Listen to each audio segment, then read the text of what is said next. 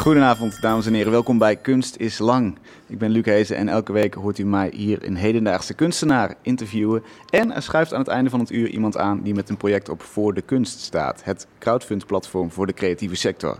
Dit keer is dat Thijs Verhaar en hij maakt sokken met grafische prints. Althans, dat wil hij gaan doen. Hij doet op dit moment dat met uh, sjaals en hij bestiert in zijn garage een industriële breimachine. Uh, hij wil uitbreiden naar sokken en je hoort straks waarom. Maar eerst gaan we praten met fotograaf Anouk Kruithof. Althans, ze is opgeleid als fotografe, maar verwacht van haar geen standaard ingelijste foto's aan een wand. Ze gebruikt de fotocamera als strategisch gereedschap om contact te leggen met de buitenwereld. Dat levert bijvoorbeeld takeaway pamfletten op of installaties waarin haar foto op, foto's op plexiglas worden geprint of op plastic lappen en die dan weer over stalen frame zijn gedrapeerd. En een speciale liefde is het fotoboek als draagbaar kunstobject. We gaan zo horen waarom dat zo is. Wil je nu al iets zien van het werk van Anouk? Ga dan naar mrmotley.nl. Amsterdam FM! Anouk, welkom. Hoi, even, even, ter introductie. Jij studeerde aan Sint-Joost in Breda. Je won de Charlotte Keulenprijs. Heel veel andere buitenlandse prijzen. We gaan ze niet allemaal noemen. Want nou. het, het, ja, het is best een rijtje. Je oh. bent dit jaar in de race voor de Volkskrant Beeldende Kunstprijs. Je werk hing al meerdere malen in het Foam en uh, in het Stedelijk Museum had je een tentoonstelling. Verder is het te zien in Rusland, China, Zwitserland, Italië, België. En het MoMA in New York nam je op in de gezaghebbende tentoonstelling over de nieuwste stand van zaken van fotografie. Ja, dat klopt. Dat lijkt me een groot compliment. Ja, dat was wel heel bijzonder, ja. ja. Dat was ook uh, vrij recentelijk. Dat was eind 2015 en dan tot maart dit jaar. Ja. En um, dat was ook wel opvallend, dat er bijna geen ja, fotograaf in de conventionele uh, be, benadering van dat woord bij die show zat. Dus mm. dat zegt ook wel wat over um, fotografie, anno 2016, denk ik. Wat zegt dat? Veel meer. Dat zegt dat, uh, denk ik, door de ja, democratisering van fotografie, van dat medium, mm. um, de professionele mensen misschien meer image-based of ja, denkers zijn over het medium, of juist met fotografie werken, of juist uh, ja, teruggrijpen naar fotografische processen. Op een andere manier omgaan met fotografie dan enkel met ja, foto's een verhaal vertellen. Ik denk dat er gewoon. Uh, ja, dat, dat is al heel lang aan de hand. Dat is ook niet iets nieuws. Maar het zegt wel iets over het nu. Dat is gewoon meer. Ja, photo-based artists, zo zou ik het meestal noemen in het Engels, mm -hmm. uh, in die tentoonstelling te zien zijn. Dat zegt iets over wat fotografie nu is. Dat is gewoon niet meer per se drie foto's aan een wand die samen een verhaal vertellen. En waarom niet? Waarom is dat geëvalueerd of waarom zijn we daar um, Ja, ik denk, uh, wauw, ja, dat is een goede vraag eigenlijk. Ja, we duiken er meteen ik kan in. natuurlijk niet echt spreken over iedereen's uh, van de 17 mensen in die show hebben allemaal hele andere benadering tot het, met het medium. Ja, natuurlijk. En uh, je kan ze ook meer ja, image-based of beeld, beeld, beeldachtige uh, beeld in bredere zin noemen zou ik. Ja, beeld in bredere zin. Ja. Dat wel. En, en dat denk ik ook omdat ook foto's gewoon overal natuurlijk te vinden zijn. Mm -hmm. Dat je ook ook al heb je fotografie gestudeerd, ik, lijkt mij dat de eerste vraag wel is als je klaar bent, of misschien ook al als je gaat studeren, iets met fotografie, waarom je nog een foto zou maken. Hoezo moet je überhaupt nog een foto toevoegen aan die oceaan van beelden ja. die er is? Zo heet de show, heette die show ook. Ja. En, en uh, daar gaat het eigenlijk ook over, over het hergebruiken van foto's. En um, nou ja, al die verschillende benaderingen rondom de ontwikkelingen van medium, die waren daar te zien. Dus het was wel, ja, was heel tof. Ik ben daar ook wel mee bezig. Niet alleen. Ook gewoon met de onderwerpen waar ik in geïnteresseerd ben in mijn werk. Maar dit speelt wel altijd een rol. Het, het medium fotografie ja, tuurlijk. en de reflectie En de transformatie daarop. daarvan en het denken daarover. En ik denk ook omdat je, als je met een medium werkt of daarin ben je opgeleid, voor mij als, als kunstenaar is het gewoon logisch dat je uh, daar ook vragen over stelt. Ja. En nou, je, neem ja. eens, eens mee in jouw visie op, op fotografie dan. Hoe, hoe, hoe kijk jij daarna? We gaan het zo straks hebben over uh, een heel mooi boek voor jou wat is uitgekomen. Maar eerst wil ik het graag hebben over jouw visie op fotografie. Ja, misschien. Ik, ben, ik heb echt een. Um, hoe heet het nou, love en hate. Uh, ja, haat-liefdeverhouding. Haat-liefdeverhouding met, uh, met fotografie, denk ik. Je hebt ja. in New York gewoond een tijdje, vandaar dat af en toe de, de woorden wat minder... Oh ja, maar ik wil ook weer rollen. niet zo klinken, maar ik So vind gewoon love... Ja, so international, you know. No, maar ja, dat love hate, dus dat loopt toch wel lekker. Sommige dingen lopen gewoon lekker. We noemen het hadden, love hate. we hadden het net ook al over appropriation, dus sommige dingen lopen Mhm. gewoon lekkerder, dus daarom doen we dat. Ja, Maar dat is niet eh, arrogant bedoeld, want dat mag je natuurlijk sowieso niet zijn in Nederland. Nee, we zijn in Nederland. pas op hè. Dat kan Oh. niet, dat kan niet. Goed, over de En- fotografie. Ja, over de fotografie. Ja. Ja, ja, ehm, ja dus ik, ik werk er wel mee, maar ik zit er ook altijd mee te worstelen. Misschien omdat ik soms ook gefrustreerd over ben, is het ook mijn medium. Dat als je zeg maar gefrustreerd in een, in een soort onstabiele grond van, van vragen en of wat haat of wat stuwing, daar komen vaak ook goede ideeën. Of daar komt eigenlijk ook creativiteit uit voort. Dus dat lijkt me sowieso Waar zit de frustratie bij fotografie voor jou? wat beperkt is. Ik vind gewoon, ehm, ik denk ook graag na over de ruimte en over hoe mensen eh, ja, met kunst in contact komen, wat dat kan doen. eh, en ook ehm, ja, hoe, je, hoe je werk ziet. Eh, een paar plaatjes aan een muur of zo. Ik weet niet, vind ik het internet eigenlijk een beter platform voor straight fotografie. Voor gewoon echt voor foto's, onbewerkte foto's die vind ik eigenlijk het internet nu veel beter. Want? Om- nou, omdat het, altijd, omdat het altijd beschikbaar is. En omdat het gewoon daar platte plaatjes makkelijk op te zien zijn. Terwijl museummuren, of daar heb je ook te maken met een ruimte en openingsuren. En daar kan je eigenlijk veel meer mee. En eh, ja, ik zie dat. Ik geloof ook niet zo in, in, de, in de echtheid van foto's of zo. Heel vaak, ik, ik, ik, ik ben meer wantrouwend ook naar een foto. En ik weet dat het allemaal gewoon met foto's kun je ook e- heel goed manipuleren. Mm. En nu zijn we natuurlijk in een tijd waarin je überhaupt foto's niet meer kan vertrouwen. Want foto's zijn ook, worden ook ingezet door allerlei strategische doelen. En ehm, ja, Zoals? Geef eens een voorbeeld. nou, bijvoorbeeld eh, ja, reclame of marketing op social media. ehm, ook het bewerken van foto's, de echtheid van fotografie. Dat, er zijn, je moet zoveel vragen nu stellen. Omdat je er ook de hele tijd aan bloot wordt gesteld, aan beelden. Ja. En, en ja, het is echt, je moet wel een goed safe systeem hebben, anders word je gewoon totaal misleid. En misschien zijn we daar ook allemaal wel. Worden we ook als mensen zelf beelden of plaatjes of zo. Ja, Ah, omdat we gewoon leven door plaatjes, door rectangles op schermen. Of ja, dat, dat is gewoon nu echt aan de hand. Ja. Nou, mijn idee. Dat vind ik fascinerend, maar ook wel angstig. Ik wou net zeggen, je, kan ook Beide. zeggen als fotograaf... Het is eh, interessant ook. Ik, ik zit eh, aan de bovenkant van die golf, zeg maar. Ik, ik weet hoe ik die moet bereiden en hoe ik iets kan veroorzaken met mijn foto's. Hoe, hoe, hoe kijk je daarnaar? Ehm, nou, ik zit niet bovenaan die golf, vind ik. Zo van, omdat je er in opgeleid bent op een kunstacademie, bedoel je? Nou ja, en, en Nee. ermee bezig bent en over nadenkt. Nee, en- want het is gewoon, nu is fotografie eh, geheel democratisch. Iedereen kan foto's maken. En maar dat, is ook heel mooi. kwaliteit natuurlijk. Jawel, want het, ja, kwaliteit voor mij, ik weet niet, voor mij eh, het denken en ook een soort eh, creatieve proces met fotografie. Oké, dat is misschien wel opleiding of heel veel jaren oefenen bij nodig, maar iedereen kan foto's maken. Hmm. Ik wil echt niet zeggen dat ja, een, een- amateur niet net zulke interessante foto's zou kunnen maken die nooit is opgeleid dan iemand die aan de fotovakschool heeft gezeten. Ja, misschien alleen qua techniek, maar Mhm. Nee, dat, dat heb ik echt nooit eigenlijk zo gevonden. Voor mij gaat het heel erg over ideeën. Wat je wil vertellen met die werken. Of wat je daarmee doet, hoe je ermee omgaat later. Dat, dat soort dingen zijn veel belangrijker, vind ik. Echt. Maar dat moet je ook nog maar weten uit te werken en weten te bewerkstelligen natuurlijk. Ja, ja of, dat, of vangen in een foto. Ja. Maar dat, ja, daarin denk ik wel dat je professionaliteit ziet. So- soms natuurlijk Ja. ook. Maar ehm, ik vind het wel mooi dat gewoon al die foto's samen ook op het internet... en dat het allemaal hetzelfde ja, soort waarde krijgt of zo. Is zo ja, het is, nu is het, gaat het er meer over wat iemand ermee doet. Met al die beelden, denk ik. Leg eens uit. Wat meer. Ehm, ja, een soort vertaalslag of zo. Eh, zoals ik heb bijvoorbeeld, om dat gewoon een voorbeeld te noemen. ehm, ik heb zo'n onderzoek gedaan, dat heette Hashtag Evidence, een project. Dat ging eigenlijk ook over de vraag of een foto nog wel bewijs is. En eh, toen heb ik eh 81 Amerikaanse eh, overheidsinstellingen en ehm, bedrijven en andere eh, edu- ja, educational institutions, andere instellingen, hun Mhm. Instagram onderzocht. Ja. Dus gelezen en al die foto's bekeken. Mhm.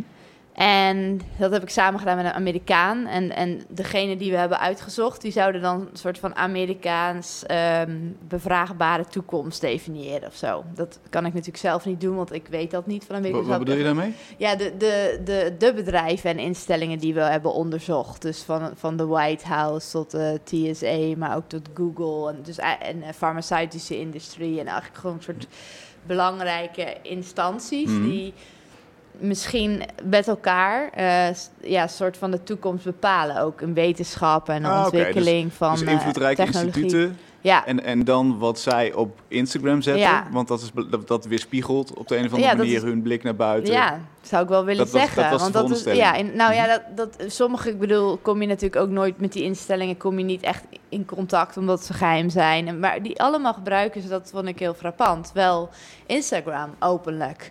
En er zit natuurlijk een strateeg achter, ook gewoon om het proces van bijvoorbeeld een. eh, ja, een onderzoek van eh, ontwikkeling van een nieuw apparaat of zo wordt gewoon gefotografeerd. Dat komt erop. Maar ook bijvoorbeeld de TSA, de Transportation Security Agency, die de handbagage checkt op Mhm. de vliegvelden, overal. Mhm. Eh, die zetten gewoon alle geconfiskeerde items. Daar maken ze foto's van. Die zetten ze daarop. En de drugshonden. En dat je ook denkt, nou oké. Dus, dus als het ware het bedrijf wat, wat checkt dat ik geen pistool in mijn handbagage heb, heb dat, dat zet eh, op Instagram een foto van eh, een pistool dat ergens Ja. gevonden is. Ja, en dan zeggen ze op zich ook wel links maken ze erbij naar bijvoorbeeld hun website waar je kan lezen wat je dan wel en niet mag eh, meenemen. Ja. Maar als je zo'n Instagram bekijkt, dan zie je dus hoeveel wapens. Het is echt gewoon zo veel. En op zich, eh, ja, weet je wel, waar in Nederland meer eh, fietsen dan mensen zijn, in Amerika zijn meer wapens dan ja. mensen. En dan En, heb je eh, het over evidence. En eh, dan, dan is, dus, is dus de vraag, is deze foto die op Instagram staat, is die ergens bewijs van? Kun je die lezen Ja, nou, zoals je hem in eerste instantie leest? ja, Toch? Of, of, Ehm, of- ja, nou, ja, het, is een beetje een groot. Ik weet niet of het toevallig is, dat hele project. Maar dit, eh, ja, op zich is dat ook een foto als bewijs. Want Mhm. dat is echt gewoon een documentatie van dat item. Maar ik verbaas me er meer over dat zij dat op zo'n manier met social media eh, communiceren. Want je ziet ook allerlei manieren waarop mensen wapens hebben verborgen. Bijvoorbeeld in haar borstel, het mes en dan zitten er wel haren in. En dan zeggen ze van eh, next time eh, you're going to travel, you better not get caught in a hairy situation. Weet je wel, dat is een soort grapje. ja, woordgrapje Van dat je, ja, dat je niet in een ehm, vervelende situatie jezelf werkt. Mhm. Maar dat is gewoon humor. Dus een soort van overheidshumor op Instagram. Ja. Weet je wel? Ja. Maar dan zeg je- jij ehm, dat dat beeld, eh daar moet je vraag, vraagtekens bij, moet je vragen bij stellen. Dat kun je ja, niet of, zomaar... of meer, ja. Enerzijds, nou niet per se echt los die foto's. Want ik vind ze gewoon ook fascinerend. Maar dit hele project gaat meer over al die bedrijven. Die, weet je wel, die posten en hoe doen ze dat. En weet je wel, ook, ook bijvoorbeeld White House is ook allemaal heel cheesy. Dat is gewoon zo van Obama uit een vliegtuig met zijn hand omhoog. En dan Mm. is er net de rainbow erachter of zo, weet je wel. Ja, Eh, Het zijn natuurlijk allemaal... eh, ik, ik, ik vind het gewoon... propaganda eigenlijk. Ja, eigenlijk wel natuurlijk. Voor elk Instagram-kanaal, Ja. degene die erachter zit, die moet zo goed en zo mooi mogelijk neergezet worden. Ja, en, en aan, aan de andere kant, als het gaat over een onderzoek, dan zou je denken: oké, dat is een soort transparantie. Maar dat is ook wat misschien heel veel mensen denken van het lezen van beelden, weet je, wel, tussen haakjes. Maar ondertussen is het niet misschien alleen maar het lezen, maar je wordt echt ge, gestuurd. En ook natuurlijk omdat taal en tekst en uitleg natuurlijk wel ja, anders informatie geeft aan Ja. je dan plaatjes. Ja. Dat is ook wel een beetje gevaarlijk of zo. Want die zijn vaak wel open voor interpretatie, toch, beelden. Ja, somehow. dat dus- zijn ze niet altijd, want er zit een tekst aan vast. Maar dan moet je ook nog maar aanvragen of dat waar is, weet je wel? Ja, en, en hoe, hoe, eh, hoe is dat gevaarlijker dan tekst? Is het, is het onderbewuster of zo, plaatjes? Of Volgens mij dat, wel, eh, omdat je zoveel beelden ziet. Daar is ook wel heel veel onderzoek naar gedaan wat je nog precies onthoudt. En hoe je al die beelden samen weer in je hoofd, zeg maar, eigen ja, ervaringen of herinneringen maken. Die niet, misschien helemaal niet kloppen meer bij de feiten. Nou, een heleboel sculpturen en werken die ik heb gemaakt, die zijn, ja, die, die, in mijn werken reageer ik daarop, op dat hele onderzoek. Maar van die TSA kwam ik dus ook tegen dat ze zeg maar een identiteitskaart van een persoon die dus dat wapen had meegenomen in de handbagage, die blurren ze dan met zo'n Mhm. filter. Mhm. En omdat je in Amerika alle verschillende staten hebben allemaal andere ID-kaarten, Mhm. allemaal andere kleurtjes, zijn het allemaal hele mooie, ja, soort van geblurde kleurvlakken die hartstikke mooi en esthetisch zijn. En die heb ik dan eruit genomen en eh, die heb ik dan op, ja, op latex op verschillende transparante materialen geprint. En iedereen denkt gewoon, ja, nu weet je, dat is gewoon heel esthetisch en ook een soort van hippe color gradient. Eh, eh, hoe, noem je dat ook weer? Een soort overgang van kleuren Mhm. heel zacht. Terwijl dit verhaal erachter zit. Dus ook, ook een soort van... Mijn sculpturen zijn dan ook een soort van misleidend. Die zien er best wel heel mooi uit. En zijn wel op hard staal. Dat is wel koud. Een Ja. kil en koud, weet je wel, bewust. Ja. Maar eh, ja, dat, daarin probeer ik dus hoe ik daarover nadenk in dat onderzoek te vertalen in mijn eigen werken. Ik weet Ja. niet of dat, ja, Ja. dat je dus ook een soort van, van, oh, dat zijn mooie sculpturen. Als je dat weer op een plaatje op Instagram ziet. Maar Verleidelijk eigenlijk mooi. is het, eh, zijn het ook weer mensen die, ja, die op zo'n manier iets hebben getransporteerd wat niet mag. Maar aan de andere kant ook een overheidsorganisatie die gewoon met mensen hun identiteitskaarten eh, aan de haal gaat op social media. Ook al blurren ze die. Dat is eigenlijk ook al heel bevraagbaar. Ja. Hoezo haal je niet weg voordat je die... Ja, ik weet niet. Dat, vind ik, dat zegt natuurlijk heel veel over privacy nu. En dat in, het- in, in het grotere eh, geheel eh, vind ik dat ook... ja, ik wil niet per se heel bewust één ding uitspreken daarmee. Maar ik vind het wel mooi als je daar misschien over nadenkt. Ja, dat dus- heb ik dus- sowieso met mijn werk. Dat ik niet echt zo per se uitspraken zelf hoef te doen of zo. Ja. Dus, dus dit is de manier waarop je, eh, waarop je fotografie inzet. Dus echt een reflectie op het medium. En, en wat, wat zou dan de gevaarlijke kant van foto's kunnen zijn?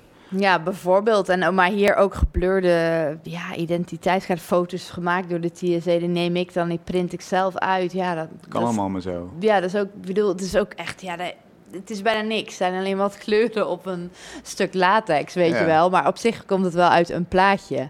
Ja, Maar dat gaat best wel ver. Dat is ook heel erg abstract. Dat heeft heel weinig te maken met eh, narratief in een foto. Mhm. Terwijl mijn nieuwe boek is wel vol met foto's of Ja. zo. De We kwamen zie je meer mijn liefde voor de fotografie, zie je denk ik meer in, in mijn nieuwe boek terug. ja want, Dan- dan want dit. anders zijn de foto's niet te, te herkennen, zeg maar, in de installatie zelf. Dus, dus... Nee, hier eigenlijk niet. Nee, precies. Nee.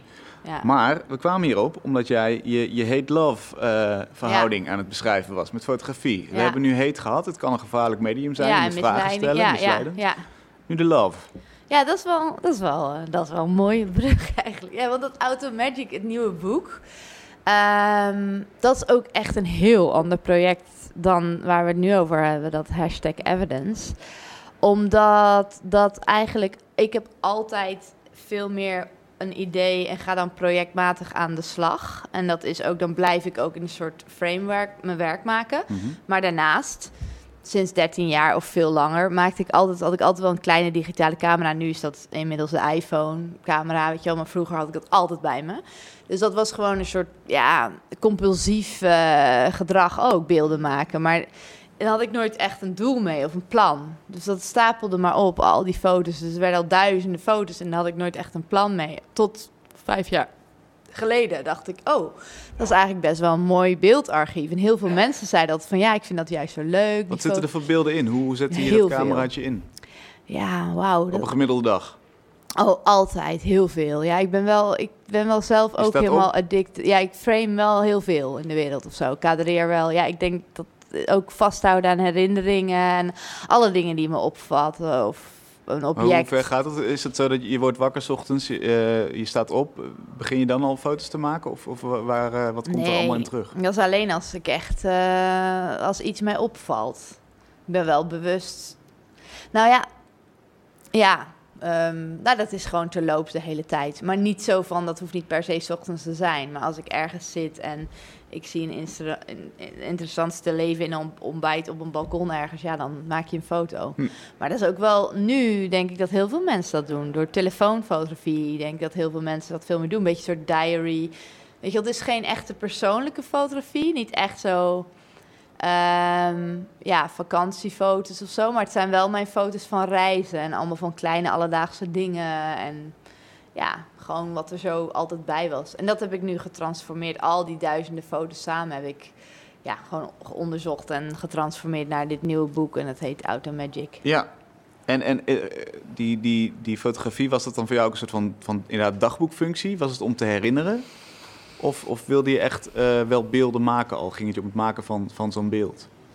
Ehm, nee, op zo'n manier... Nou, het is echt bijna een vraag die ik niet kan beantwoorden. Want het lijkt wel echt ja, automatisch of zo. Dat, is gewoon, dat zit gewoon in me, denk ik, om dat altijd te doen. Dus het is dat je dan dat ik gewoon overal maar de foto van bij me moet hebben. Maar aan de andere kant ended up on hard drives of zo. Wat doe je er eigenlijk mee? Maar nu doe ik er dus wel wat mee. Hmm. Maar ook omdat ik nu wel. Omdat ik, nu heb je natuurlijk instant posting, weet je wel. Op Instagram, voor example. Nu. Het zouden eigenlijk meer. Waren het mijn foto's voordat zo voordat dat Instagram eigenlijk bestond. Zo zie ik het eigenlijk wel. Maar dan op een harde Dit archief. Ja. of dan op gewoon die cameraatjes of inderdaad, dat doe ik er maar niks mee. Als ik toen al Instagram had, dan had ik het al gecurateerd kunnen gebruiken. Mhm. Had ik misschien dit hele boek niet hoeven maken nu of zo. Maar wat al zo lang teruggaat. Ja, dat, was wel, eh, dat soort fotografie is het eigenlijk wel. En heeft het dan dezelfde functie? Want Instagram nu is aan andere mensen laten zien: dit is mijn leven, dit is, dit is wat ik meemaak en dit geef, dit geef ik je in beelden mee. Ja. Laat ik andere mensen in delen. Wa- Was dat ook jouw Ja, nee. 2011 z- geloof ik? Nee, 2003 Oh, 2003. of 2 of zo. Ja, het is echt al heel lang geleden. Ja, Echt veer- ja. nee, toen was ik daar nooit op zo'n manier mee bezig. puur voor jezelf was het? Ja, en dat laat je dan zien aan ja, misschien anderen. Of omdat je natuurlijk beeldmaker. Ik bedoel, ik had, wie weet, is het ooit wel wel wat waard en wordt het een echt eh, kunstwerk of een boek? Hmm. Kan. Maar ik was er niet echt mee bezig tot vijf jaar geleden. Meer als een soort schetsboek. Ja, maar wel, toen zag ik ook meer de waarde van al die foto's. Ook omdat veel mensen gewoon zoiets hebben van... ja, dat zijn juist hele interessante beelden of zo. Maar ik had altijd zoiets, ja, hoezo? Je kan altijd wel van een soort dagboekachtige foto's... hoezo moet dat een boek worden? Daar Ja. moet je wel een goede reden voor hebben. Of Nou, het, ja. het boek is er. Eh, Ja. Daar gaan we zo over praten. Maar we gaan eerst even naar een geluidsfragment. Dat vraag ik altijd aan mijn gasten. Hè. Vraag, neem een liedje mee over een geluidsfragment. En jij wilde iets wat met dat boek te maken heeft. Daar gaan we even naar luisteren. Je luistert naar Kunst is Lang hier op Amsterdam FM. En dit is een eh, geluidsfragment dat mijn gast heeft uitgekozen. Anouk Kruithoff, fotografe. Eh, waar hebben we naar geluisterd, Anouk? Eh, ja, we luisteren naar... Ik bedoel, eigenlijk, ik weet niet precies alle muziekcredits van dat nummer. Want nee, het is, dat hoeft het niet. Het is de muziek die de editor Ashik, die samen met mij de film, het is zeg maar de documentatie heeft gemaakt van mijn nieuwe boekobject. Om het op internet te zetten, zodat mensen een idee krijgen. Daarvoor maak je vaak filmpjes van je boek eh, tegenwoordig. Een soort trailer is het eigenlijk. Eh, ja, of, en ook gewoon ja, inzicht krijgen. Het is ook een object. Weet je, een plexiglasboos met doos met tien boekjes erin. Dus het is ook wel goed dat je het echt kan zien. Ronddraaien, alle boekjes zijn geverfd aan iedere kant. En door die video kan je het zien. Maar omdat je negen beeldverhalen hebt en één tekstboek, hebben we ook besloten. Heb ik hem, eh, omdat hij heel, heel, eh, heel interessant en geïnteresseerd is in muziek, hem gevraagd of hij niet gewoon muziek wil zoeken bij eh, het beeldboekje en ook het tekstboekje heeft gelezen, zodat hij weet waar het over gaat. En hij heeft dus zijn reactie gegeven. En dat is deze track. Ja, en, en nou vertelde jij, terwijl dit speelde, dat ehm, voor elk boekje, dus het is een bundeling van, jouw nieuwe fotoboek is een bundeling van tien korte boekjes, tien Ja. hoofdstukken eigenlijk. Ja, Negen in beeld, eentje in tekst. ja. En voor elk hoofdstukje hoor je een apart geluidsfragmentje Ja. om je ook in een andere sfeer te brengen. hè? ja. Maar Nou, ja. nou, ben- nou wil ik naar die titel toe. Dat, eh, dat is, vind ik, een eh, soort cryptische titel. Hoe, hoe heet het boek? het boek- heet Auto Magic. Wat, wat is dat voor term? Ehm, het is eigenlijk een term die ooit iemand, eh, een bekende van mij, gebruikte in. En zegt dat in de programmingwereld dat eh, die term auto, automagisch gebruikt wordt. Als in het bouwen van websites en ja, coderen. data. Als er iets zeg maar soort van niet helemaal eh, te vatten valt en het gebeurt toch wel, Ja? dan gebruiken ze dat woord automagisch. En dat vond ik toen zo mooi toen hij dat zei. Toen dacht ik echt van, oh, dat is eigenlijk ook wel... Ook al gaat het over data en een computer, een, een apparaat, eh, vond ik het ook wel interessant eh, in relatie met het creatieve proces. Zo van iets wat ook onverwachts gebeurt, wat je niet helemaal kan verklaren. Mhm. En automatisch is natuurlijk gewoon, ja, wat automatisch, maar dit is automagisch eigenlijk. Dat automagic is gewoon automagisch, dat is gewoon het Ja, titel. mooi. Ja, Mooie, mooie term. En dat, dat, dat past omdat het eigenlijk ook misschien gaat over de manier waarop dat beeldarchief samen is gesteld Ja. en, en ontstaan is. Waar je het over had hè, sinds 2003, 2004. ja. begon jij die plaatjes te schieten. Ja. Dan noem ik het even oneerbiedig hoor. Want ja, maar dat eh, is goed. Nee, dat wel, vind ik helemaal geen probleem hoor. eh, Oké, Nee, Eh, dat, is, dat zo. is nu een, een, een boek geworden en een archief. Waarom moest dat een boek worden? Die, die immense stapel met beelden. Ja, daar dacht ik ook wel heel veel over na. Want ik ben zelf ook, ik maak heel veel kunsthuisboeken. Dus als ik zo, soms zo'n workshop geef, dan vraag ik dat altijd als eerste aan eh, studenten. Van hoezo moet dit een boek worden, weet je wel? Ja, Maar eh, ja, dus dat vraag ik mezelf ook wel. Nou ja, dat is wel aan jou te oordelen of zo. Of jij, eh, of jij misschien vindt dat dit boek eh, bestaansrecht eh, moet hebben. Mhm, maar jij vond ik, van ik wel. vond van wel, ja. En ook heel veel andere die ik natuurlijk gevraagd heb. Omdat het gewoon een heel boeiend automagisch beeldarchief is. Maar ook transformatie. Het is, het is wel een heel persoonlijk boek. Want het is echt gewoon, ja, denk ik, waar ik minder met ideeën werk en wat, wat ik gewoon maak. Alleen het transformeren. Dus soms heb ik zeg maar bepaalde beelden bij elkaar gezocht. Bijvoorbeeld natuurfoto's van overal op de wereld waar ik heb gereisd. Mhm. En ik heb heel veel gereisd. Maar je hebt altijd natuurfoto's. En dat is echt helemaal, heeft niks te maken, vind ik, met ervaring van de natuur. Die foto's werken, daar, daar zit dus gelijk weer zo'n frustratie. Dat ik denk van, nou ja, weet je wel, daar heb je gewoon... Die, Dat beeld schiet tekort in die, het vangen ja, die van die ervaring. oppervlak van, van eh, die natuur. Ja, die laat je nooit zo hoog voelen als je belevenis in de natuur. At all. En dat zal het ook nooit doen, denk ik. Mhm. Eh, en nou ja, toen dacht ik daarover na. En dan komt er gewoon een idee. Oké, ik ga gewoon alle natuurfoto's bij elkaar zetten. En dan doe ik ze half 50% ehm, verzadiging maken in de computer. En dan zet ik er twee over elkaar. En daarna fotografeer ik mijn beeldscherm. En dan heb ik een nieuwe foto. Dat is eigenlijk een meer een beetje, ja, een beetje psychedelische natuurfoto. En je ziet het raster van een beeldscherm en soms zo'n harde flits. Dus een soort van harde, ja, eh, de, eh, de rand van een scherm. Eh, somehow komt er doorheen die, dat je die foto's voelt. Dus heel andere foto's heb ik ervan gemaakt. En één boekje is echt een soort trein van al die dubbele natuurfoto's van ja, Thailand en Egypte. Of onder water in Belize met eh, Nederland. Of weet ik veel, alles is gemixt. Ja. En, je, en je krijgt echt een soort hogere, ja, ook wel een beetje een soort high drugsachtige ehm natuurvibe. En ook, ehm, maar toch die kille, harde laag van dat scherm. En dat vind ik ook, dat gaat heel erg over nu, weet je wel. Nu ervaren wij ook plekken op de wereld door te kijken naar een scherm. Als wij iemands album zien van vakantiefoto's daar, dan hebben we het idee dat we daar ook al in Guadalupe zijn geweest. Ja, of zo. Door wat, bij, ja, of we, beetje... doen, of we doen Google eh, ja, Maps, eh, alles natuurlijk. Street View, Ja, ja. Street View. Dus je hoeft ook bijna niet meer te reizen. Je kan reizen door een scherm. Dus dan denk ik over bepaalde dingen na en dan heb ik het gewoon vertaald in één zo'n hoofdstukje. Dus dan zit er wel. Een, dus eigenlijk doe ik ook werken met mijn eigen foto's of verknippen of whatever. Wat je normaal, wat mensen meer doen met collages uit oude boeken of zo. Maar dat heb ik gewoon ook met, dat doe ik met mijn eigen beelden. Ja, Dus ik vind het ook helemaal niet erg als je zegt gewoon plaatjes of zo. Gelukkig, gelukkig. Nee. En, en daar zit dan een, een laag van reflectie overheen. eh, want je, je, kijk, dat, dat scherm wat, wat, eh, waar een flits op komt en wat, wat eh, die flits terugstuurt, dat, dat hoef je natuurlijk niet te laten zien. Maar dat benadrukt ook de kunstmatigheid van die natuurervaring. Ja, inderdaad. Ja, en dat, dat vind ik wel mooi als dat, dat er gewoon zo'n soort idee achter zo'n boekje zit. En Ja. inderdaad, ja, dat is toch een, ja, ook een soort gedachtegang over een aspectje van fotografie, natuurlijk. Deze. Wat, wat nog meer? Want, want eh, in, in zo'n archief van, van 11, 12 jaar leer je waarschijnlijk ook heel veel over, over dat medium. Kun je nog zoiets iets noemen wat in dat fotoboek terugkomt? Ehm, nou, het zijn allerlei beeldverhalen. eh, de, ook, of manieren van eh, hoe het beeld bewerkt is, is anders. Maar er, is- gaat ook één bo- hoofdstukje gaat heel erg over instabiliteit en instorten. En uh, enerzijds heb je dat architectonisch uitgewerkt in foto's die ik heb gemaakt na Hurricane Sandy in New York bijvoorbeeld. Daar heb ik eh, gevallen, eh, eh, vrijwilligerswerk gedaan. En toen had ik gewoon, ja, dat eigenlijk als een soort ramptoerist wel wat foto's genomen van ingestorte gebouwen. Want ja, dat, dat doe je gewoon met je telefoon.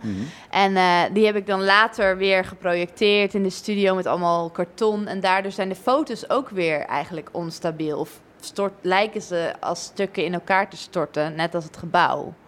Dus er zijn ook nieuwe foto's van projecties. Die, die foto's heb je verknipt en opnieuw Nee, opgesteld? nee de gewone foto's van zeg maar een ingestort eh, huis Mhm, eh, pro- projecteerde ik in een studio. mhm. En daarvoor heb ik eigenlijk een soort onstabiel bouwwerk gemaakt met karton. Ah. Wat zorgt dat de weet je wel, projectie verstoord wordt Ja. in stukken. Ja. En dat is een hoofdstuk. Dat, dat benadert voor mij nog meer het instorten. En het maakt die foto's ook vager. Het gaat niet meer over, oh, dat is Rockaways in New York, eh, Hurricane Sandy. Want dat hoeft het niet te zijn. Want al die beelden van al die verschillende plekken, die zijn ook allemaal gemixt. Of het nou gemaakt is in 2002 of 16. Ik heb ze allemaal al heel erg hetzelfde gehouden. En meer gezocht naar andere verbanden of zo, maar niet over locaties. Want het hele idee van het boek is ook, ja, misschien ook mijn benadering van dat de wereld klein is. Ik, ik leef op andere plekken en ik vind het heel mooi dat alles grenzeloos is of zo, weet je wel. En steeds meer. En ik zou ook willen dat dat, ja, nu ook natuurlijk met allerlei mensen die juist over grenzen ergens anders willen wonen. Maar in deze tijd eh, leven wij ook waarin alles aan het verschuiven is. Mhm. En door, door al die handelingen die ik in dit boek doe, dat is ook wel, eh, zeg maar, eh, mijn, ehm, ja, mijn gedachtegang daarover zie je wel terug in allemaal vertaalslagen van beelden. Ja. En dit is maar één voorbeeldje. Er is ook een, een mentaal instorten te zien door middel van oude zelfportretten van toen ik zelf helemaal niet sliep, bijvoorbeeld toen ik 25 was. En die heb ik dan ook weer verstoord en hergefotografeerd. Maar dat is dan gewoon meer mentaal instorten en het andere meer fysiek. En dat versterkt elkaar in één boekje. Dus dat gaat, ja, dat is heel ander, andere manier bewerkt dan die natuur, maar ook ander, ander verhaal. Nou, nou is het Ja. een, een, heel mooi fotoboek geworden. Ehm, wel- welke status dicht jij het fotoboek toe aan zich?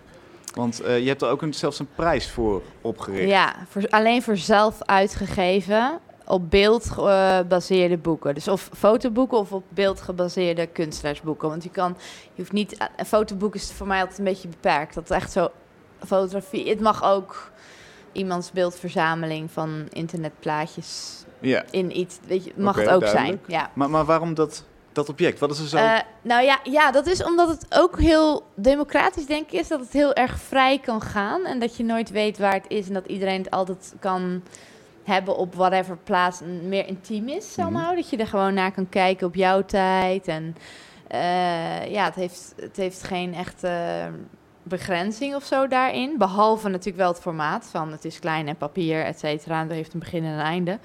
Maar ehm, ook daarin kan je wel weer de grenzen opzoeken. En ik, ben, ik vind fotografie altijd gewoon met boekvorm en tekst en fotografie. Dat gaat gewoon hand in hand, weet je wel. Dat is eh, naar mijn idee veel beter dan foto's aan de muur. Dat heb ik altijd al gevonden. Van het fotoboek is zoveel betere match dan foto's in lijsten op een muur, vind ik. want, je Vaak. ne- want je neemt het mee, je zit op de bank, je... Ja, je, je... Maar, ook, maar ook een narratief, dat de combinaties van beelden op pagina's en, en de, opeen, de volgorde en niet dat je daarheen kijkt en daarheen kijkt. Ik weet het niet, je wordt goed gestuurd. Ik denk fotografie is gewoon natuurlijk eh, verbonden somehow met boekvorm. Dat gaat, ja, dat is gewoon zo, naar mijn idee. Ja, Ja. oké, oké. Dus, dus eigenlijk zou je Ja. kunnen zeggen, als presentatievorm de hoogste vorm, wat jou betreft. Of in ieder geval de... Ja, een van de. Ja, van de ik bedoel, fotografie heeft oneindeloze mogelijkheden. Het is een gereproduceerd medium waar je gewoon van alles mee kan, natuurlijk. Bedoel, Ja. Je kan postzegels maken of je kan hele gebouwen aan behangen. En, Whatever je en kan installaties, doen. zoals, Ja, zoals jij alles gewoon. Daarom is het ook wel een interessant medium, natuurlijk. Eh, ja, niet gefi- ja, dat eigenlijk heel gefixeerd is of zo. maar dat, ik, ik probeer dat ook wel weer te doorbreken. Ik, ik noem ook fotografische situaties of zo. Sommige Mhm. soort installaties die ik maak. En dan druk ik foto's op dat ehm, radiant plexiglas, waar als je er omheen loopt als mens, dan verandert de foto de hele tijd. Terwijl dat is natuurlijk iets wat fotografie eigenlijk helemaal niet kan. En dat vind ik dan weer heel tof dat ik dan het materiaal heb gevonden wat dat wel kan. Denk je ook wel eens, ik, ik kap er gewoon mee met die fotografie, ik ga gewoon alleen maar installaties maken? Of, of Oh ja, nee, boeken? ja, sowieso bij mij is dat niet. Ik maak me helemaal niet, niet zorgen over. Ik denk dat ik meer alle media, ja, het gaat gewoon eh, het idee en eh, wat, pas, wat voor vorm past daar het beste bij. eh, per project. Zo denk ik dat ik wel erin sta. En ik denk dat ik mezelf niet zelf zie tekenen of schilderen. Dat zijn twee dingen die ik echt dat ik helemaal niet van hou. Echt helemaal niks mee heb. Maar de rest, volgens mij ben ik overal ehm, wel voor open. Of ja, nee. Het is ook vrij grenzeloos. De manieren van je ideeën uiten. Dat is voor mij heeft geen kader. Neem ons eens mee in, in dat proces, want het begint dus bij een idee. Hoe, hoe ontstaat zo'n idee doorgaans? Nou, dat weet ik niet. waar dat, dat ontstaat komt het? gewoon eh, in me op. is natuurlijk een moeilijke vraag. Dat komt gewoon... Ja, dat, ja, dat is altijd moeilijk. Ja, Neem eens een ideeën concreet voorbeeld gewoon. misschien. De, de, de, de, de laatste tentoonstelling.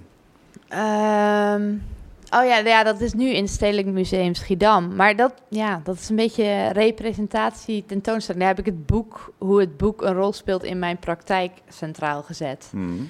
Dan zien we Ja. een hele grote wand van allerlei Oh, tweedehands boeken. Ja, Waarvan de, de pagina's gekleurd zijn. En samen vormen die ineen-gestapeld. Het zijn er wel honderden, denk ik. ja nee, duizenden. Duizenden. Ah, bijna 4000. Vier- 4000 boeken. Dat is een muur. Ja, En het is eigenlijk een soort van... 4 nou ja, meter 10 bij 230. Dat heeft een vorm van een foto of een scherm ook. Een Ah. muurtje. Ja, muurtje. Groot, Ja. dus niet klein. Ja. En, en hoe, hoe kom je dan op zo'n idee, zeg maar? En waarom bedenk je dat dat de vorm is voor dit, eh, dit werk? Ehm, ja, daar was ik wel bezig met meerdere. Ik bedoel, ik kwam gewoon die boeken tegen die origineel zo gekleurd zijn, geverfd aan de bovenkant. Ja. Dus dat zijn heel veel afgedankte boeken. De communistische tijd en niemand die die novels meer wil lezen. En eh, dat blij- het blijkt gewoon een soort grafisch ontwerp. Stijl van eh, uitgevers te zijn. De meeste van die boeken, bijvoorbeeld alle blauwe of rode. En dan het begin van de 20e eeuw had je natuurlijk wel veel bijbels, goud en rood. Dat is veel meer standaard. Maar daarna allerlei andere mooie kleuren, zoals je allemaal. En ik, ik vond het gewoon van wauw, weet je wel. Die worden afgedankt voor hun inhoud, maar die zijn wel boeiend als object, namelijk baksteen. Ja, en ik ga er gewoon een muur van bouwen. En ik wilde al, ja, muren sowieso, ehm, ja, gewoon metaforisch, dat eh, als een grens. Eh, daar heb ik altijd al veel mee gewerkt. Waarschijnlijk ook omdat ik Nederlands ben. Je ziet heel veel bakstenen muren in Nederland. Heel je leven word je daarmee geconfronteerd. Ah, dat is een beeld wat in Zie je ik hoofd in heel hangt. veel Nederlandse kunst, eh, kunstenaars hun werk. Dat is echt waar. Dat is omdat wij gewoon zoveel van die bakstenen muren hier hebben. Volgens mij word je daar gewoon eh, door beïnvloed. Indoctrineerd. Ja, echt. Echt denkt, ik moet er maar gauw vanaf nu. Want daar moet ik naar Mexico, mooie kleuren en zo. Ja. Want dat is ook niet goed dat dat gewoon Ah, Oké, van oké. geramd zit in Dus mijn de- onderbewuste. De stijl, dus, ja, ja. Dus Mondriaan had ook echt alleen maar hier eh, gekund. Ja, met, denk met nou zijn, eh, zeker, ja. En ook hoe de, hoe de hele land is aangelegd als je van boven kijkt naar Nederland. ja, Allemaal vakjes. Dat, eh, ja. ja, helemaal Dat is waar. wel echt, ook omdat we geen bergen hebben. Want bergen zijn natuurlijk, die zorgen ervoor dat je dat niet kan doen. En wij kunnen hier gewoon controleren op dat Ja. plattelandje. Dus dan zie je ook gewoon de gestructureerdheid van de Nederlander terug in hoe dat land is opgedeeld. Ja. Vind- Dus, dus eigenlijk begint het inderdaad met een observatie van jou. Je denkt, hey, die, die, eh, al die boeken samen, die zijn super mooi. Ja, en die kunnen een muur vormen. En die kunnen iets Ja. doen. En dan maakt het niet uit dat het eigenlijk met fotografie niks te maken heeft. Oh nee, ja, toen niet. Nou, dat was wel, nee. Dat, ik bedoel, heel veel werken, er zijn maar een paar werken waar, ja, niet zo heel veel, waar echt helemaal geen fotografie aan te passen. Ook performances, een paar. Maar dan is de documentatie ervan, is vaak weer fotografie. Ja. En dat is natuurlijk ook bij, bij deze boeken, maar die heb ik ook laten instorten. Dan heb ik hem gefilmd en er is ook een foto van waar hij dat instort aan één kant. En dat is ook daar het tussenmoment van iets wat enorm groot wat instort. Dat is, kan alleen een foto vangen. En Hmm. daar ben ik wel heel blij ook met die foto. Dat is het unieke karakter weer van fotografie, foto- dat is echt zo... ja, het ultieme van fotografie is dat natuurlijk ook. Ja, Eh, en eh, ja, maar ja, dat, dat ontstaat dan zo, maar dat ontstaat allemaal niet zo snel. Dat is een heel proces. Ja. Eerst heb je een klein muurtje en op een gegeven moment wilde ik de video achterop en bedacht ik, oké, de maat moet zo zijn als een scherm. En ja, ben ik door gaan zoeken en kopen totdat ik daar was. En ook, het ging ook heel erg over van, eh, wordt het, het fysieke boek, wordt dat echt vervangen door het e-book? Dat was toen echt zo heel erg een ding. En ik dacht, nou, nooit. Maar dit was ook wel een soort, ja, eh, eh, hoe zeg je dat nou, ode aan, aan, aan het boek. Want ik had zoiets, nou, dat gaat niet gebeuren. Want ik maak zelf natuurlijk ook kun- ja, fotoboeken. ja. Dus ja, ik, dat is gewoon een soort passie en ik denk niet dat dat echt verdwijnt. Voel jij daar ook een verantwoordelijkheid in? Je hebt die prijs opgericht. Voor Ja. mensen die, om een soort stimuleringsprijs is het voor, voor kunstenaars om zo'n beeldboek te maken. Ja, of om, ja nou, en, en zelf uitgeven. Want je mag dus niet een uitgever hebben. Dat is wel echt een voorwaarde, want er zijn zat fotoboekprijzen, maar Hmm. er is er geen één die self-published stimuleert. Waarom vind je dat belangrijk? Nou, ik vind dat belangrijk sowieso, omdat die mensen natuurlijk al heel veel, het is al heel moedig om zelf uit eh, te geven. En natuurlijk ook Want heel duur. Ja, plus je moet alles in je eentje doen. Ik bedoel, Mhm. je, moet, je hebt niemand die je boek gaat distribueren of in de markt zetten of een PR-afdeling of zorgen dat mensen daar überhaupt eh, in geïnteresseerd raken. En aan de andere kant zijn vaak ook boeken die niet passen bij een uitgever of bij het discours van een uitgever, visie of te jong. En daardoor gebeuren er ook de meest spannende dingen of hele, ja, hele vraag, rare dingen of dingen waarvan je denkt, hoe kan dit ooit een boek worden? Of ja, dat gebeurt altijd wel in het zelf uitgeven gebied. Ja. Dus dat vind ik, ja, omdat ik zelf ook verzamel, dat, daar, vind, daar heb ik wel meer... Um, ik vind het ook leuk dat ik al die boeken dan kan zien, natuurlijk, want ik ben ook jury. Maar ik vind het ook... Uh, heel. Uh, en ik maakte filmpjes van de shortlist en zo. Dus ik heb ook gewoon uh, ja, een soort uh, bevoorrechte positie om dan al die boeken te zien. Sommige ken ik dan al, die worden ingestuurd. Maar... Voor, voor mensen die niet zo'n groot archief hebben aan, aan zelf gepubliceerde kunstenaarsboeken, wat, wat is de, het mooiste exemplaar wat je ooit in handen hebt gehad? Dat je dacht, ja, kijk, daarom is deze prijs voor, voor zo'n soort boek. Kun je ons eens beschrijven wat dat voor boek oplevert? Wauw. Ja, ik bedoel, hele mooie boeken zijn heel vaak wel Japans en zelf. Uh, die zijn ook nog um, met de hand gemaakt. Dat zijn vaak hele bijzondere. Dat is ook echt iets heel typisch voor het Japanse fotoboek. Soms denk ik ook wel, oh, dat wordt een beetje too much of zo. Met allerlei verschillende papieren en verschillende druktechnieken. En dan het, het zelf in elkaar zetten. Nu klinkt het een beetje uh, ja, knutselachtig of zo. Maar dat is dan vaak heel goed uitgevoerd. Dus mm -hmm. echt een soort professioneel, maar wel met de hand vervaardigd. En dat is natuurlijk heel uniek. Dat, dat gebeurt eigenlijk nooit bij uitgevers van kunst, kunst uh, of kunstenaarsboeken. Dat, nee. Dus dat is bijzonder, dat je dat, dat tegenkomt. Ja, nu, zijn, nu zit er ook een boek bij, uh, juist van een best wel al beroemde Magnum-fotograaf, die eigenlijk uh, heel veel uh, Syrië. Nou ja, anyway, dat is echt een boek waarvan je niet zou verwachten dat het zelf uitgegeven is, zo groot. En zo lang proces en heel natuurlijk heel geëngageerd. Heeft heel erg te maken met, met de tijd. En het is echt wel. Waarom is het zo'n bijzonder object? Nou, nou dus niet, dit boek object is gewoon normaal. Uh, het gaat meer over daar over de fotografie. En ook als je gewoon bedenkt dat uh, hoe de, hij, de maker riskeert in die, in, die, in die situatie. Maar het is geen standaard journalistieke fotografie of foto's die in de krant stonden. Het, is, het heeft toch iets anders. Daardoor is het waarschijnlijk ook dus autonome boek van dat, die persoon geworden. Ja. Maar de, dat is echt, uh, ja, daar ben ik ook wel helemaal bijna perplex dat het een zelf, uh, zelf uitgegeven boek is. Want ja, dat heeft heel veel body en dat, dat geloof je nauwelijks zo. Dus dat is wel heel sterk ook natuurlijk als iemand dat kan. En dat dat er is, is te danken aan het feit dat dat er zoiets is als het, het onafhankelijk uitgeven van zo'n kunstboek. Dus daar pleit je voor, dat moet er blijven en dat moet er zijn. Ja, dat is goed om wat meer stimulans te geven. En ook, uh, wij geven ook, het gaat ook heel erg over gewoon die community maken. Weet je wel, we, onze Facebookpagina, ik zet daar ook wel allerlei dingen ja, rondom wat er gebeurt in, in uh, fotoboekland of zo uh, op. En dan maak ik altijd filmpjes van de 20 shortlist. En die, wij zorgen dat die in de MoMA-bibliotheek worden opgenomen.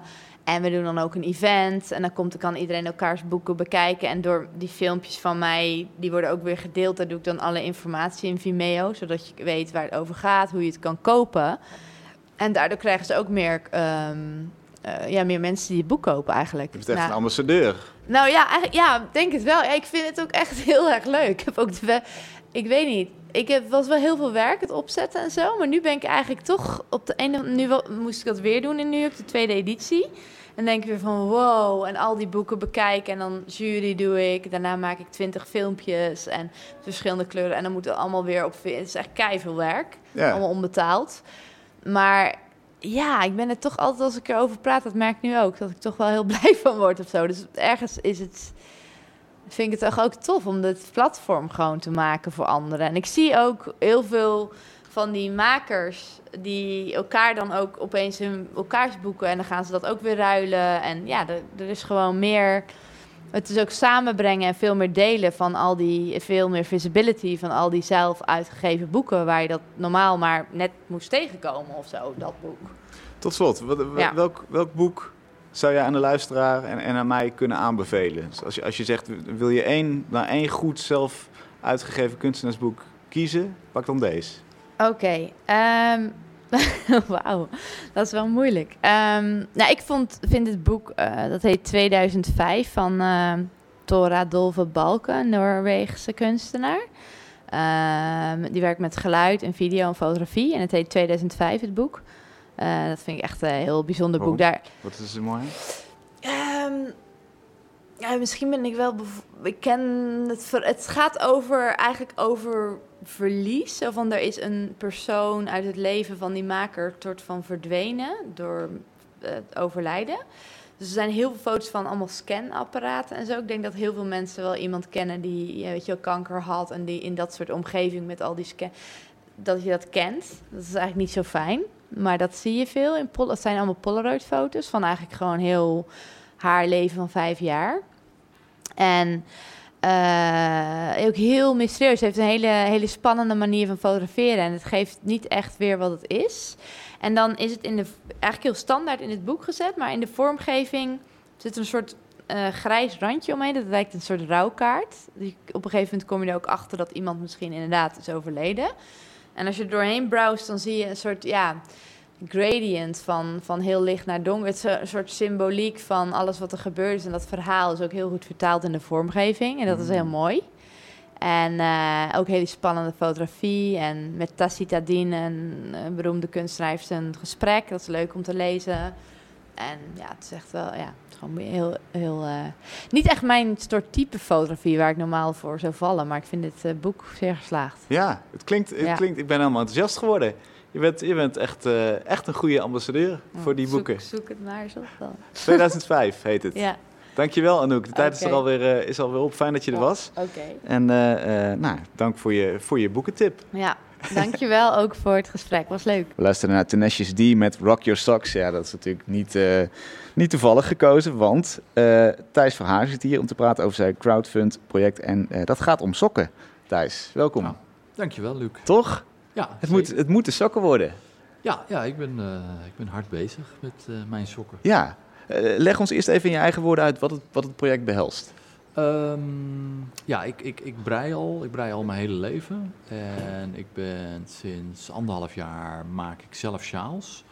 En ik, uh, dat gaat goed. En ik wil heel graag uh, een, ander gebreid product uh, erbij gaan doen. En ik, ik vind sokken heel leuk. Omdat het, ja, er, er zit een soort rare vrijheid in sokken. Zeg maar, wat, je, wat je in kleding veel minder hebt. Ja. En in Charles zit dat ook wel. En, en ja, en, en ik, ik, ik, hou zelf erg van sokken. Ik hou ook van wat, wat is de vrijheid in sokken? Ja, dat, dat, is, dat is eigenlijk, uh, nee, laat, laat, ik zeggen, wat vroeger in de stropdas uh, gebeurde, mm. zeg maar zeggen. Dat, mm. dat mannen zijn in, in onze cultuur natuurlijk redelijk beperkt in hun mogelijkheid om zich uit te drukken in wat ze dragen. Ja. En ja, dat, dat is, bij, bij, sokken is er iets meer vrijheid. Nou, nou ben ik niet gelijk uh, een, pleidooi aan het doen voor hele wilde sokken. Maar ik, ik vind het wel leuk als er, als er wat meer versiering uh, in, in mannenmode of ook bij vrouwenmode is. Ja, want de stropdas is, is eigenlijk een ontzettend nutteloos ding, maar geeft wel een soort status aan. Ik bedoel, ja, hij precies. functioneel nergens voor. Nee, precies. Maar eh, eigenlijk in, in het huidige modebeeld is hij redelijk terug, uh, is, is hij heel saai geworden. Ja. Nou, ik, ik vind überhaupt het hele modebeeld behoorlijk saai, in general. En, en nou ja, bij, sokken mag er dan nog ietsje meer. En, en dat, nou ja, de, binnen, dat, binnen de grens van wat ik zelf leuk vind en wat andere mensen kunnen dragen, ja. zijn, zijn sokken dan in ieder geval. Uh... Tussen die uiterste gaat het. En wat, voor, wat voor sokken moeten dat worden? Beschrijf ze eens. Het is natuurlijk radio, um, dus je kunt ze niet laten ja, zien. Ja, precies. Nou, ik, ik, ik, heb een, ik, ik heb een heel grafisch handschrift als, als ontwerper.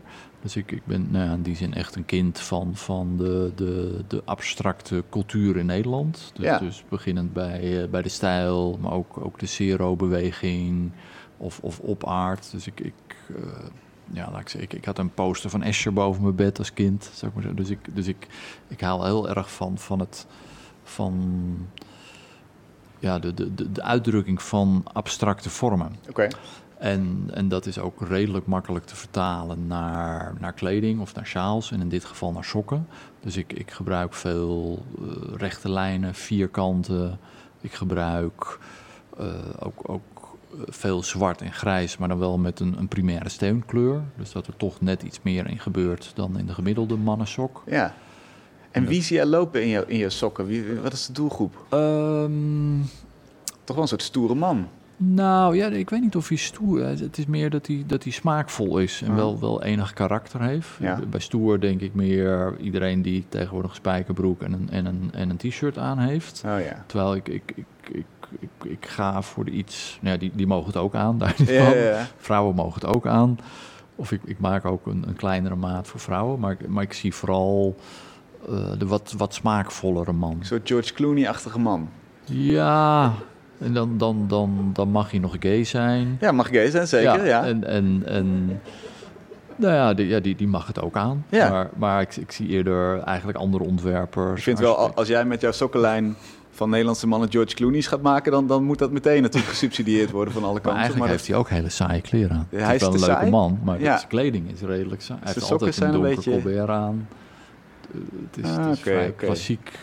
Het kledingbeeld. Ja, het is klassiek. Hey, hoe, kom jij bij, bij, bij sokken en bij breien? Want, want het is industrieel breien, dat moeten we misschien Ja. nog even vertellen. Ja, In jouw garage staat een soort Ja, een industriële grote breimachine. industriële breimachine. Ja, je zit niet zelf met, met pennen Nee, in, in de gelukkig weer. niet. Nee, nee het, is ook, het is ook een hele andere eh, professie, zou ik maar zeggen. Ik, Hm. ik kan wel met de hand breien, maar ik doe het nooit. En ik vind het ook niet, niet heel boeiend. Nee, oké. Of het is, het is, het is veel meer een hobby. En, en, maar het, het, het, boeiende van industrieel breien is, is juist het contrast van, van, van een industrieel vervaardigd product met, met, een, met een, een, een, een zacht eindproduct, zou ik maar zeggen. Dus, het, dus, het, dus de benadering is, is ja, industrieel, ook, ook in de vormgeving. Maar het, het eindproduct is, is, ben ik dol op. En, en dat, nou ja, het, gaat, gaat mij heel erg om de zachtheid en om de, om de tactiliteit van wat je maakt. En om, om de rekbaarheid. Dat, Ja. dat vind ik heel mooi bij breien. En Want, want hoe is dat anders dan bijvoorbeeld bij katoen of zo? nou, Bij, het, het, eh, het is vooral anders bij geweven. Laat ik zeggen, je spijkerbroek of het shirt wat jij aan hebt Ah. is geweven. En Ja. daar, daar, zit, daar zit van nature geen rek in. Dus dat, dat is een, een veel stugger eh, doeksoort eigenlijk. En breien, ja, laat, ik- laat ik zeggen, als je, als je mijn, mijn sjaal voelt, daar heb je weinig Ja, aan op de radio. Ik, ik, voel maar- nu, ik voel nu aan je sjaal. Ja? Ja, precies. Oh ja, dit is, heel, dit is heel zacht en dit geeft een beetje mee als ik hier Ja, aan... precies. En, en daar, doen? zit, daar, zit, daar zit een soort leven in, daar zit, zit rek in en dat blijft er ook in. En Ja. dat, dat maakt het ook dat het, dat het je een soort van omhelst. En wat, wat een goede sok ook heeft, die, die, Ah. zit, die zit lekker om je voet. En laat ik zeggen, voordat de, eh, het eerste wat ze ook begonnen met breien in de eh, eerste eeuw na Christus waren sokken. Omdat geweven sokken heel rottig zitten. Dat wil je natuurlijk dat dat om je voet blijft zitten. Dus eigenlijk is die super belangrijk, die sok.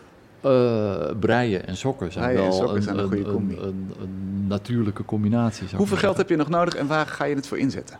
Eh, ik heb nu nog eh 5.500 euro nodig. Ik ben, ik ben nog niet heel lang bezig met de crowdfunding. Mhm. ik heb, het op 20% zoiets 30%? Nou, kleine ja, 30 zit ik nu. Ja? Dus ik hoop eh, dat iedereen nu eh, gaat doneren Ja, na dit vanavond eh, ga je, ga je door het dak. Maar Ja. wat ga je ervan aanschaffen? Ik ga, ik, ik ga vooral de eerste order sokken plaatsen. En, en de verpakking ontwikkelen we daarmee. En, en nou ja, het ontwerpproces is al goed deels gedaan. Maar ik, ik moet ze vooral laten produceren. Want ik, ik maak mijn sjaals zelf. Mhm. Maar de sokken worden op een ander soort machine gemaakt. Die ook Ah, niet meer hier in Nederland staat. Die past niet in jouw garage.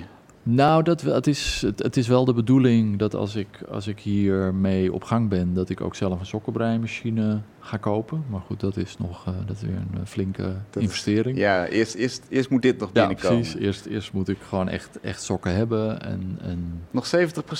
ja, Succes, precies. Thijs. Dankjewel. Dankjewel. Fijn dat je wilde aanschuiven. En daarmee zijn we aan het einde van Kunst is Lang voor deze week. Wil je de uitzending terugluisteren? Ga dan naar mrmotley.nl of zoek in iTunes. Daar zijn we ook. Kunst is Lang. Volgende week zit hier Frank Kolen. Tot volgende week.